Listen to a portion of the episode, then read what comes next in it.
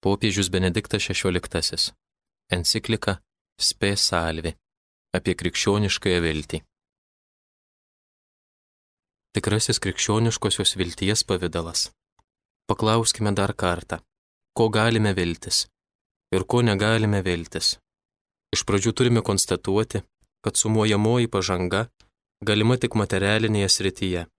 Čia vis geriau pažįstant materijos struktūras ir atitinkamai daugėjant išradimų, pažanga aiškiai tolydžiai juda vis didesnės valdžios gamtai linkme.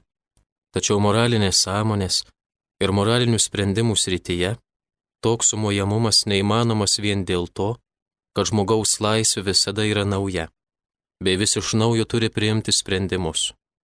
Jų niekada negali priimti už mus kiti, tada nebebūtume laisvi.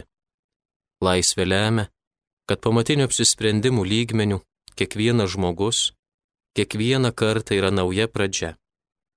Naujos kartos, žinoma, gali pasiremti ankstesniųjų sukauptomis žiniomis ir patirtimi, bei semti iš moralinio viso žmonijos lobyno. Tačiau gali jį ir atmesti, nes tai netaip akivaizdu kaip materialūs išradimai. Moralinis žmonijos lobynas neegzistuoja taip, kaip naudojamos priemonės. Jis yra kaip kvietimas į laisvę ir kaip jos galimybė bet tai reiškia teisingo žmogiškųjų dalykų būvio, pasaulio moralinio gerumo niekada neįmanoma laiduoti vien struktūromis, kad ir kokiomis geromis. Tokios struktūros ne tik svarbios, bet ir būtinos. Tačiau jos negali ir neturi panaikinti žmogaus laisvės. Be to, ir geriausios struktūros veikia tik tada, kai bendruomenėje gyvi įsitikinimai, galinti žmonės motivuoti laisvai pritarti bendruomenės tvarkai. Laisvė neatsiejama nuo įsitikinimo, o įsitikinimas neegzistuoja savaime, bet turi būti vis iš naujo bendruomeniškai įgyjamas. Kadangi žmogus visuomet lieka laisvas ir jo laisvė visada yra trapi, šiame pasaulyje niekada neegzistuos galutinai pastatydinta gėrio karalystė. Kas žada, visada išliksinti geresnį pasaulį, ta žada melagingai, iš akių išleidžia žmogaus laisvę. Laisvė visada iš naujo privalo būti laimima gėriu. Laisvas pritarimas gėrių niekada neegzistuoja savaime. Struktūros, neatšaukiamai nustatančios tam tikrą gerą pasaulio santvarką, žmogaus laisvę panaikintų. Ir todėl galų gale geros struktūros ir nebūtų. Tai reiškia, Kiekvienai kartai duota užduotis vis iš naujo galinėtis dėl teisingų žmogiškųjų dalykų tvarkos. Toks galinėjimasis niekada nesibaigia. Tačiau kiekviena karta, žinoma, privalo savo indėliu prisidėti, kad būtų sukurtos įtikinamos laisvės bei gėrio santvarkos, rodančios kitai kartai, kaip tinkamai naudotis laisvę. Ir dėl to tiek, kiek leidžia žmogiškosios galimybės, teikiančios tam tikrą ateities laidą. Kitaip tariant, geros struktūros padeda, tačiau jų vienų nepakanka. Žmogus niekada negali būti atpirktas tiesiog iš išorės. Francis Baconas ir jo įkviptų šio laikinių intelektinių srovių sekėjai klydo manydami, jog žmogus atperkamas per mokslą. Turint tokį lūkestį, iš mokslo reikalaujama per daug. Tokia viltis apgaulinga. Mokslas gali daug prisidėti prie to, kad pasaulis ir žmonija būtų žmogiškesni. Bet jis gali žmogų bei pasaulį ir sugriauti, jei nėra valdomas už jo paties ribų esančių jėgų. Kita vertus, turime pripažinti, kad naujųjų laikų krikščionybė, mokslo sėkmių plėtojant pasaulį, akivaizdoje daugiausiai grėžiasi į individą bei jo išganimą jis susiaurino savo vilties horizontą ir nepakankamai suvokė savo užduoties didybę, kad ir kiek daug būtų padariusi, ugdydama žmogų bei rūpindamasi silpnaisiais ir kenčiančiaisiais. Nemokslas atperka žmogų, žmogus atperkamas meilę. Pirmiausia, tai taikytina vien pasaulio sričiai. Kai kas nors savo gyvenime patiria didelę meilę, šitai jam būna atpirkimo suteikiančio jo gyvenimui naują prasme akimirką. Tačiau netrukus jis suvokia, kad dovanota meilė viena pati jo gyvenimo klausimo neišsprendžia. Ši meilė išlieka trapi. Ją gali sugriauti mirtis. Jam reikia besąlygiškos meilės. Reikia tikrumo, leidžiančio ištarti. Aš juk esu tikras, kad nei mirtis, nei gyvenimas, nei angelai, nei kunigaikštystės, nei dabartis, nei ateitis, nei galybės, nei aukštumos, nei gelmės, nei jokie kiti kūriniai negalės mūsų atskirti nuo Dievo meilės, kuri yra mūsų viešpatyje Kristuje Jėzuje. Žmogus, kad ir kas jam nutiktų, yra atpirktas tada ir tik tada, kai tokia besąlygiška meilė su jos besąlygišku tikrumu egzistuoja. Būtent tai turime galvoje sakydami. Jėzus Kristus mus atpirko. Per jį tapome tikri, kad Dievas nėra pasaulio tolima pirmoji priežastis, nes jo vienatinis sunus tapo žmogumi ir apie jį kiekvienas gali pasakyti, gyvenu tikėjimu į Dievo sūnų, kuris pamilo mane ir paukojo save už mane. Šia prasme, tiesa yra tai, jog tas, kuris Dievo nepažįsta, gali turėti daug vilčių, bet galiausiai yra be vilties, be didelės, visą gyvenimą remiančios vilties. Tikra, didelė ir visuose nusivylimuose žmogų palaikanti viltis gali būti tik Dievas. Dievas, mylėjęs mus iki galo, iki atlikta. Palėtėtas meilės ima nuvokti, kas iš tiesų yra gyvenimas. Jis ima nuvokti, kas turima galvoje, krikšto peigose, aptinkamai žodžiais apie viltį. Iš tikėjimo laukiu amžinojo gyvenimo, tikrojo gyvenimo, kuris yra tiesiog visas pilnatviškas gyvenimas, kuriam niekas negresia. Jėzus, sakantis apie save, jog yra atėjęs, kad turėtume, apšiai turėtume gyvenimo, mums taip pat paaiškino, kas yra gyvenimas. O amžinasis gyvenimas - tai pažinti tave, vienintelį, tikrąjį Dievą ir tavo siūstąjį Jėzų, Mesiją. Gyvenimas tikrąją šio žodžio prasme surandamas ne savyje, ir ne savo išgalėmis. Tai santykis. O gyvenimas kaip visuma yra santykis su tuo, kuris yra gyvenimo versmė. Jei musėja santykis su tuo, kuris nemiršta, kuris pats yra gyvenimas ir meilė, tada esame gyvi, tada gyvename. Bet dabar kyla klausimas, ar taip vėl neįpuolame į išganimo individualizmą, įvilti tik savo, kuri nebėra tikra viltis, nes užmiršta bei nuo šalyje palieka kitus. Ne. Santykis su Dievu steigiamas per bendrystę su Kristumi. Vieni ir tik savo išgalėmis to nepasieksime. Bet santykis su Jėzumi yra santykis su tuo, kuris save už mus visus atidavė. Būdami bendrystėje su Jėzumi Kristumi, esame įimami į jo už visus. Tai tampa mūsų egzistencijos būdu. Jėzus įpareigoja mus gyventi dėl kitų. Tačiau tik bendrystėje su juo įstengiame tikrai būti dėl kitų, dėl visumos. Norėčiau čia pacituoti didį graikų bažnyčios mokytoją Maksimą išpažinėją, kuris iš pradžių ragina niekam neteikti pirmenybės Dievo pažinimo bei meilės atžvilgių ir po to iškart pereina prie praktinių dalykų kas myli Dievą, negali vergauti pinigams. Jis juos išleidžia dieviškai, teisingai padalyja, atsižvelgdamas į teisėtus poreikius. Iš meilės Dievui išplaukia dalyvavimas Dievo teisingume bei gerume kitų atžvilgių.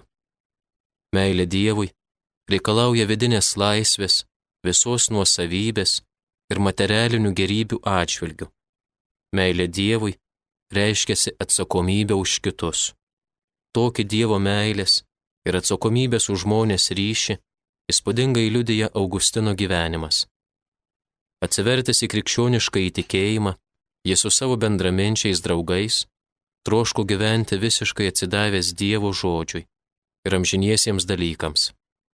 Didžiosios graikų filosofijos suformuluota kontemplatyvaus gyvenimo idealą jis ketino įgyvendinti krikščioniškomis vertybėmis. tokiu būdu pasirinkdamas geriausią dalį. Bet visa baigėsi kitaip. Per sekmadienines šventas mišes viešnagės Hipono stamiestyje metu Augustinas vyskupo buvo pašauktas iš minios ir priverstas priimti šventimus, tarnauti kunigų šiame mieste. Prisimindama šią valandą, savo išpažinimuose jis rašo. Išgazdintas savo nuodėmių ir savo nelaimės didybės, buvau sumanęs širdyje ir nutaręs pabėgti vienumon. Bet tu suturėjai mane ir sustiprinai tardamas. Kristus yra miręs už visus, kad gyvieji nebe savo gyventų, bet tam, kuris už juos numirė. Kristus numirė už visus. Gyventi jam reiškia įsitraukti jo buvimą dėl kitų. Augustinui šitai reiškia visiškai naują gyvenimą. Kartais taip apibūdino savo kasdienybę. Nerimstančius drausminti, mažadvasius guosti, silpnuosius palaikyti, prieštaraujantiems atsakyti, keslaujančius sergėtis, nemokytus mokyti, tingiuosius akinti, besivaidajančius tramdyti, išdidžiuosius subarti, nusiminusius drąsinti, susipykusius taikinti, vargšams padėti, engiamuosius laisvinti, geruosius girti, bloguosius pakesti ir ojoj, visus mylėti. Evangelija mane gazdina kelia išganingą baimę, neleidžiančią gyventi vien savo ir skatinančią perteikti mūsų bendrą viltį kitiems. Kritišku Romos imperijos laikotarpiu, kai grėsmė kilo Romėnų Afrikai, kuri beje ir buvo sunaikinta Augustino gyvenimo pabaigoje, Augustinui kaip tik rūpėjo perteikti viltį. Viltį, gimusi iš tikėjimo ir įgalinusi jį priešingai jo intravertiškam temperamentui, ryštingai ir visomis išgalėmis prisidėti prie miesto statydinimo. Tame pačiame išpažinimų skyriuje, kur išvykome jo pastangų dėl visų pagrindinį motyvą, jis sako, kad Kristus visus mus užtarė. Kitaip netekčiau vilties. Juk gausios ir be to didelės mano negalios, gausios ir didelės, bet dar galingesnis tavo gydimas būtume galėję manyti, kad tavo žodis yra toli nuo sąjungos su žmogumi ir netekti vilties dėl savęs, jei jis nebūtų tapęs kūnų ir gyvenęs tarp mūsų. Akinamas savo vilties, Augustinas iki galo atsidavė save paprastiems žmonėms ir savo miestui. Atsisakė savo dvasinio aristokratiškumo, paprastiems žmonėms paprastai pamokslavo ir paprastai elgėsi jų atžvilgių. Apibendrinkime, kas iš likščiolinių svarstymų iškilo aikštėn. Žmogus kasdien turi daug mažesnių ar didesnių vilčių, skirtingų skirtingais gyvenimo tarpsniais. Kartais gali atrodyti, kad viena šių vilčių jį pripildo visą ir jam kitokių vilčių nebereikia. Jaunystėje tai gali būti didelės, visus lūkesčius patenkinančios meilės viltis aukštesnių profesinių pareigų, vienos ar kitos, tolesnį gyvenimą nulemenčios sėkmės viltis. Tačiau šioms viltims išsipildžius, paaiškėja, jog šitai nebuvo visa. Išaiškėja, kad jam reikia visą pranokstančios vilties, kad jį patenkinti gali tik kažkas begalinis, kas visada bus nepalyginti daugiau, negu jis kada nors įstengs pasiekti.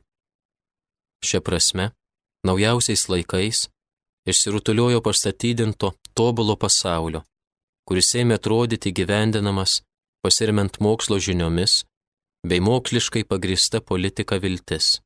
Taip, biblinė Dievo karalystės viltis buvo pakeista žmogaus karalystės, geresnio pasaulio, kuris būtų tikroji Dievo karalystė viltimi. Atrodė, kad tai pagaliau yra ta didi ir realistinė viltis, kurios ir reikėjo žmogui. Ji galėjo tam tikram laikui mobilizuoti visas žmogaus jėgas. Didis tikslas atrodė vertas visų pastangų. Tačiau ilgainiui pasirodė, kad ši viltis vis labiau tolsta. Žmogus iš pradžių suprato, jog ši viltis galbūt yra rytojaus žmonėms, bet tikrai ne jam. Ir, kita vertus, kad ir kaip didžioji viltis susijusi su šiuo dėl kitų, juk negaliu būti laimingas būdamas nusistatęs prieš kitus ir be kitų. Viltis, nesusijusi su manimi, nėra ir tikroji viltis. Pasirodė, kad tokia viltis prieštarauja laisvei. Nežmogiškų dalykų būvis kiekvienoje kartoje vis iš naujo priklauso nuo laisvo šių žmonių apsisprendimo. Jei ši laisvė iš jų būtų atimta santykių bei struktūrų, pasaulis vėlgi nebūtų geras, nes pasaulis be laisvės nėra geras pasaulis. Kad pasaulis taptų geresnis, būtina nuolatos stengtis, bet geresnis rytojaus pasaulis negali būti mūsų vilties tikrasis ir pakankamas turinys. Visada kyla klausimas, kada pasaulis geresnis, kas padaro jį gerą, kokiu matu matuojamas jo gerumas ir kokiais būdais pasiekiamas šis gerumas. Dar kartą, mums reikia mažesnių ar didesnių vilčių, palaikančių mus kasdienėme kelyje, tačiau jų nepakanka be didelės, visa kita pranokstančios vilties. Ši didelė viltis te gali būti visa priepintis Dievas, galintis dovanoti tai, ko patys neįstengiame pasiekti. Buvimas apdovanotam nuo vilties neatsiejamas.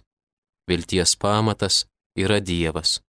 Ne koks nors Dievas, bet Dievas, turinti žmogišką veidą ir mylėjęs mus iki galo. Kiekvieną atskirą žmogų ir žmoniją kaip visumą. Jo karalystė yra neįsivaizduojama anapusybė, neteitis, kurios niekada nebus. Jo karalystė yra ten, kur mylima ir kur mus pasiekia jo meilė. Jo meilė vienintelė teikia mums galimybę, kasdien blaiviai, neprarandant vilties polėkio, laikytis iš prigimties netobulome pasaulyje. Ir jo meilė sikiu laiduoja jog tikrai egzistuoja tai, ką miglotai nuvokiame ir ko giliausiai laukiame - gyvenimas, kuris yra tikras gyvenimas. Paskutinėje dalyje pamėginkime tai konkretizuoti, dėmesį sutelkdami į praktinės vilties mokymosi bei ugdymo vietas.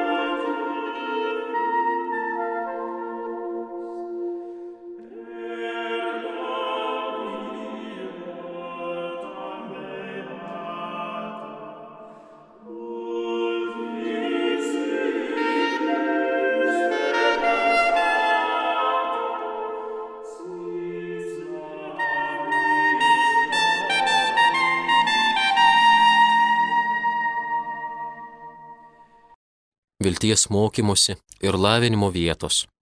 Malda kaip vilties mokykla. Pirmutinė, esminė vilties mokymosi vieta yra malda. Net kai niekas manęs nebegirdi, Dievas vis dar girdi. Kai nebeturiu nieko, su kuo galėčiau kalbėtis, kai nieko neįstengiu šauktis, visada galiu kalbėtis su Dievu. Kai niekas nebegali man padėti, turint galvoje poreikį ir lūkestį, pranokstantį žmogaus gebėjimą puoselėti viltį, jis gali man padėti. Net kai esu įstumtas į didžiausią vienatvę, jei melžiuosi, niekuomet nesu vienas. Neužmirštinas kardinolas Enguenas Banas Tuanas paliko mums vertingą knygelę - Vilties maldos. 13 kalėjime praleistų metų, iš jų devynerius būnant izoliuotam.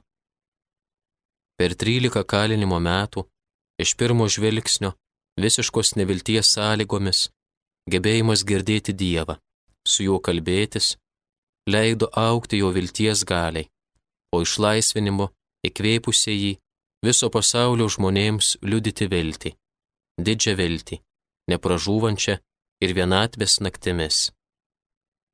Vidinį maldos ir vilties ryšį savo pamoksle apie pirmąjį Jono laišką labai gražiai pavaizdavo šventasis Augustinas. Malda jis apibrėžia kaip troškimo lavinimą. Žmogus sukurtas didžiai tikroviai, pačiam Dievui, kad būtų jo pripildytas. Tačiau tai jam skirtai didžiai tikroviai, jo širdis per siaura. Ja būtina išplėsti. Dievas, delsdamas save dovanoti, didina mūsų troškimą. Didindamas troškimą, jis išplečia dvasę. Ja išplėsdamas, jis daro ją labiau gebančią jį priimti. Augustinas nurodo šventąjį Paulių, apie kurį sako, jog jis gyvenas verždamasis į būsimuosius dalykus. Ir tada pateikia labai gražų įvaizdį šiam žmogaus širdies išplėtimo bei parengimo procesui nusakyti. Įsivaizduok, kad Dievas nori tave pripildyti medaus, kuris yra Dievo švelnumo bei gerumo įvaizdis. Bet jei tu pilnas acto, tai kur dėsi medų? Inda, tai yra širdį, pirmą būtina išplėsti ir tada išvalyti, išpilti actą ir panaikinti acto skonį. Tam prireiks darbo, skausmo, tačiau tik taip indas pasidarys tinkamas tam, kam skirtas. Nors Augustinas čia tiesiogiai kalba apie gebėjimą priimti Dievą, akivaizdu, jog žmogus tokiu darbu atsikratydamas acto bei jo skonio, ne tik tampa laisvas Dievui, bet ir atsiveria kitiems. Mat juk tik būdami Dievo vaikai galime būti pas visų tėvą. Melstis nereiškia palikti istoriją ir pasitraukti asmeninį savosios laimės kampelį. Teisingas meldimasis yra vidinio valymosi procesas, padarantis mus imlius Dievui ir būtent per tai žmonėms. Melsdamasis, žmogus turi išmokti, ko jis iš tikro turėtų prašyti Dievo, to, kas verta Dievo. Jis privalo išmokti, kad negalima melsti linkint kitiems blogą. Jis turi išmokti, jog nevalia prašyti paviršutiniškų ir patogių dalykų, kurių būtent šiuo momentu geidžia. Tai menka, klaidinga nuo Dievo jų atskirianti viltis. Jis turi tyrinti savo troškimus bei viltis. Jis turi atsikratyti savo slaptų melų, kuriais save apgaudinėja. Dievas juos permato, o susitikimas su Dievu verčia pamatyti tai pačiam. Kas gali savo klaidas pastebėti? Nuo kalčių, kurių nejaučiu, mane apvalykė, meldžia psalmininkas. Kalčių neižvelgimas manimas, jog esu nekaltas, manęs nenuteisina ir neišgelbėja, nes esu pats kaltas dėl savo nejautrios sąžinės, negebėjimo pažinti savyje blogį, kaip tokį. Jei Dievo nėra, tai tokiuose meluose galbūt ir turėčiau ieškoti prieglopščio, nes tada nebūtų nieko, kas man atleistų, kas būtų tikrasis dalykų matas. Tačiau susitikimas su Dievu mano sąžinę pažadina, įdant ji, užuoteikusi galimybę man save teisinti, buvusi mano paties ir mane sąlygončių mano amžininkų atgarsių, taptų gebėjimu girdėti patį gėrį. Kad malda galėtų išskleisti šią ištyrinančią jėgą, į vieną vertus turėtų būti visiškai asmeniška. Mano aš susitikimas su Dievu, gyvuoju Dievu. Tačiau, kita vertus, ji visuomet turėtų būti vedama ir apšviečiama didžiųjų bažnyčios bei šventųjų maldų, liturginės maldos, kurie viešpats mus nuolatos moko tinkamai melstis. Kardinolas Enguenas Vanas Tuanas savo dvasinių pratybų knygoje pasakoja, kad jo gyvenime būtų ilgų, negebėjimo melstis tarpsnių. Tada jis laikydavosi bažnyčios maldų - Tėve mūsų, Sveika Marija, liturgijos maldų, žodžių. Meldžiantis, bendruomeninė ir asmeninė malda visada turi šitaip viena su kita susipinti. Taip galime kalbėti su Dievu, taip su mumis kalba Dievas. Taip esame apvalomi ir tampame imlus Dievui, begebantis tarnauti žmonėms. Taip įgyjame gebėjimą puoselėti didelę viltį ir tampame vilties tarnais kitiems. Viltis, krikščioniškąją prasme, visada yra viltis kitiems. Ir ji yra veikli viltis, mums galinėjantis, kad dalykų neištiktų bloga pabaiga. Viltis veikli ir ta prasme, kad mes pasaulį išlaikome atvirą Dievui. Tik per tai ji lieka tikrai žmogiška.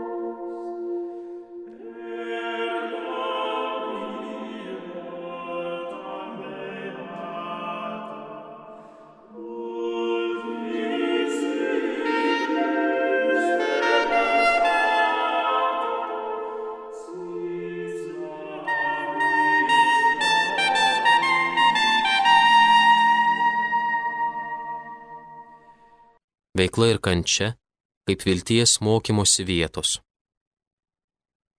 Visa rimta ir derama žmogaus veikla yra vilties įgyvendinimas. Pirmiausiai ta prasme, kad mes tikrovę paversti mėginame savo didesnės ar mažesnės viltis, išspręsti vieną ar kitą mūsų tolesniam gyvenimo keliui svarbę užduotį, savo pastangomis prisidėti, kad pasaulis taptų šiek tiek šviežesnis bei žmogiškesnis ir per tai taip pat atsivertų vartai į ateitį. Tačiau kasdienės pastangos toliau žengti savo gyvenimo keliu bei darbuotis dėl pasaulio ateities mus išsekina arba virsta fanatizmu, jei mums nešviečia ta didžioji viltis, kurios sunaikinti neišgali nei mažiau svarbios nesėkmės, nei istorinės reikšmės sukretimai jei negalime tikėtis nieko, išskyrus, kas atskirų momentų pasiekiama ir ko tikėtis leidžia, vyraujančios politinės bei ekonominės galios, mūsų gyvenimas beregint ima stokoti vilties. Svarbu žinoti, visada galiu dar ko nors tikėtis, net jei atrodo, jog mano gyvenime ar mano istoriniu momentu nebėra nieko, ko galėčiau viltis drąsos toliau veikti bei žengti gyvenimo keliu, tada gali kvėpti tik didelė, tikra viltis, kad nepaisant visų nesėkmių, mano asmeninis gyvenimas ir visa istorija sergėjimi nesugriaunamos meilės galios, be jos dėka turi prasme ir reikšmę. Žinoma, Dievo karalystės patys nepastatydinsime. Tai, ką pastatome, visada lieka žmogaus karalyste su visais žmogaus prigimčiai būdingais ribotumais. Dievo karalystė yra dovana. Ir būtent dėl to yra didi bei graži. Tai atsakas į viltį. Dangaus, vartuojant klasikinę terminologiją, negalime užsitarnauti savo darbais. Jis visada yra daugiau, negu galime užsitarnauti. Lygiai taip pat, buvimas mylimam niekada nėra užsitarnaujamas. Tai dovana. Tačiau, nepaisant viso žinojimo apie šią dangaus pridėtinę vertę, kartu vis dėlto tiesa yra ir tai, kad mūsų veikla nėra indiferentiška Dievui ir dėl to istorijos eigai. Save ir pasaulį galime tverti, kad įžengtų Dievas. Tiesa, meilė, gėris. Būtent tai darė šventieji. Prie pasaulio išganimų prisidėję kaip Dievo bendradarbiai. Savo gyvenimą ir pasaulį galime išvaduoti iš nuodų bei purvų, galinčių sugriauti dabartį ir ateitį. Galime atidengti ir tyras laikyti kūrinijos versmes, o per tai kūrinijos, kuri už mus kaip dovana pirmesnė, atžvilgiu daryti tai, kas teisinga, paisydami jos vidinių poreikių bei tikslo. Tai prasminga. Net jei nematome jokių išorinių vaisių arba regis, jaučiamės bejėgiai, milžiniškos, priešiškų galių galybės akivaizdoje. Tad iš mūsų veiklos, viena vertus, kyla viltis mums ir kitiems, tačiau sikiu, drąsos įkvepia bei krypti mūsų darbams teikia didi, Dievo pažadais besiriminti viltis. Nuo žmogaus egzistencijos neatsiejama ne tik veikla, bet ir kančia. Ji kyla viena vertus iš mūsų baigtinumo, kita vertus iš istorijos raidoje susikaupusios ir šiandien taip pat nesulaikomai augančios kalčių krūvos.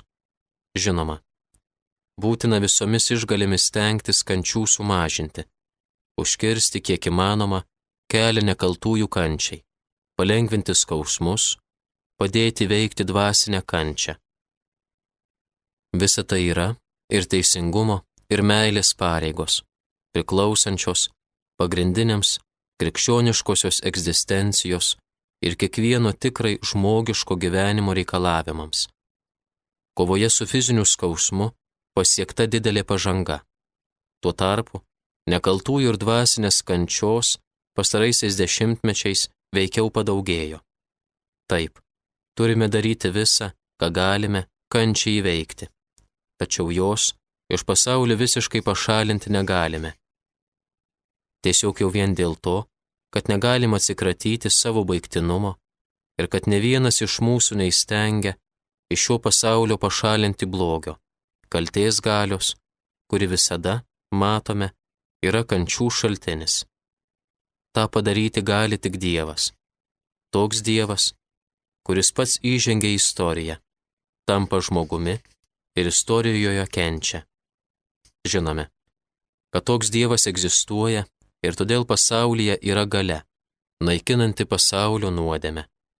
Su tikėjimu, kad tokia gale yra, istorijoje radosi viltis, jog pasaulis pasveiks. Tai yra viltis, dar neįgyvendinimas. Viltis, teikianti mums drąsos stoti gėrio pusėn, net tada, kai reikalas atrodo beviltiškas, žinant, jog išorinėje istorijos raidoje kalties gale ir toliau išliks baisi dabartis. Grįžkime prie mūsų temos. Galime mėginti kančią priboti, su ją kovoti, bet iš pasaulio jos pašalinti negalime. Tačiau kai žmonės, trokštantys išvengti kančios, stengiasi apeiti visą, kas galėtų suteikti kančią, apsaugoti save nuo su tiesa, meilė, geriu susijusio vargo bei skausmo, jei puolai tuščia gyvenimą, kuriame galbūt nėra kančios, tačiau juo daugiau slogaus prasmės tokos bei vienatvės jausmo. Žmogų gydo ne kančios vengimas, nebėgimas nuo jos, bet gebėjimas kančią priimti bei per ją bręsti, vieninti su Kristumi, kuris su begalinė meilė kentėjo, atrasti joje prasme. Čia norėčiau iš vietnamiečių kankinio Paulio Lebao Tino laiško pacituoti keletą sakinių, kuriais liudijamas kančios perkeitimas iš tikėjimo kylančios vilties gale. Aš Paulius, sukaustytas grandinėmis dėl Kristaus vardo, noriu pranešti jums apie savo vargus, į kuriuos čia esu kasdien panardintas. Įdant jūs, žieptumėte dieviškosios meilės ugnį ir kartu su manimi keltumėte į Dievą šlovinimo giesmę, nes Jis gailestingas per amžius. Šis kalėjimas tikrai yra amžinojo pragaro įvaizdis. Visokiausius žiaurius kankinimus, kaip ančiai, geležinės grandinės ir lynai, papildo nepykanta, keršto aktai, šmeištai, nešvankų žodžiai, neteisingi kaltinimai, niekšybės, melagingos priesaikos, keiksmai ir galiausiai baimė bei liudesys. Bet Dievas, išlaisvinęs tris jaunuolius, žiūrojančios krosnėje ugnies, visada arti manęs. Jis ir mane išgelbėjo iš šių negandų, bei pavertė jas saldybę, nes jis gailestingas per amžius. Tarp šių kankinimų, paprastai kitus palenkiančių ir palaužiančių, aš Dievo malonės dėka esu kupinas džiaugsmo ir linksmumo, nes esu ne vienas, bet su Kristumi. Kaip pakelti šį siaubingą spektaklį, kuriame man kasdien tenka matyti tavo šventąjį vardą keikiančius valdovus, mandarinus ir jų dvariškius, tavo, kuris sėdi sostent kerubų. Štai, tavo kryžių trypia pagonys, kur tavo šlovė. Kai visą tai matau, degdamas meilę trokštų būti sukapotas į gabalėlius, kad mirtimi paliudyčiau tavo meilę. Parodyk viešpaties savo galę. Ateik man į pagalbą ir išgelbėk mane, kad per mano silpnumą visos tautos išvystų bei pašlovintų tavo jėgą. Brangus broliai, girdėdami šiuos dalykus, džiaukitės ir viešpati viso gėrio šaltinį kelkite nepaliaujamą padėkos giesmę, bei su manimi aukštinkite viešpatį, nes jis gailestingas per amžius. Rašau visą tai jums, kad mano ir jūsų tikėjimas taptų viena. Siaučiant audrai, metu inkarą Dievo sosto link. Tas inkaras yra viltis, gyva mano širdyje. Tai laiškas iš pragaro. Jame atsiskleidžia visas koncentracijos stovyklos siaubas. Kai tironų keliamas kančias, papildo pačiose aukose išlaisvintas blogis. Joms tampant dar vienu žiaurių kankintojų įrankiu. Tai laiškas iš pragaro, bet jame išsipildo psalmė žodžiai. Jei į dangų žengčiau, tu tenai būtum. Jei šiolė pasikločiau guoli ir ten tave raščiau. Jei sakyčiau, tamsa mane paslėps iš tikrųjų, nakti šviestų kaip diena, tamsa būtų kaip šviesa. Kristus nužengė į pragarą, todėl jis ten šalia to, kuris ten įmestas ir tamsa paverčia šviesa. Kančios, skausmai lieka baisus ir beveik nepakeliami. Bet patekėjo viltie žvaigždė, širdies inkaras driekėsi liki Dievo sosto neblogis žmoguje išlaisvinamas, bet pergalę švenčia šviesa. Kančia, nenustodama būti kančia, vis dėlto virsta šlovinimo giesme. Popiežius Benediktas XVI. Enciklika Spė Salvi apie krikščioniškąją viltį.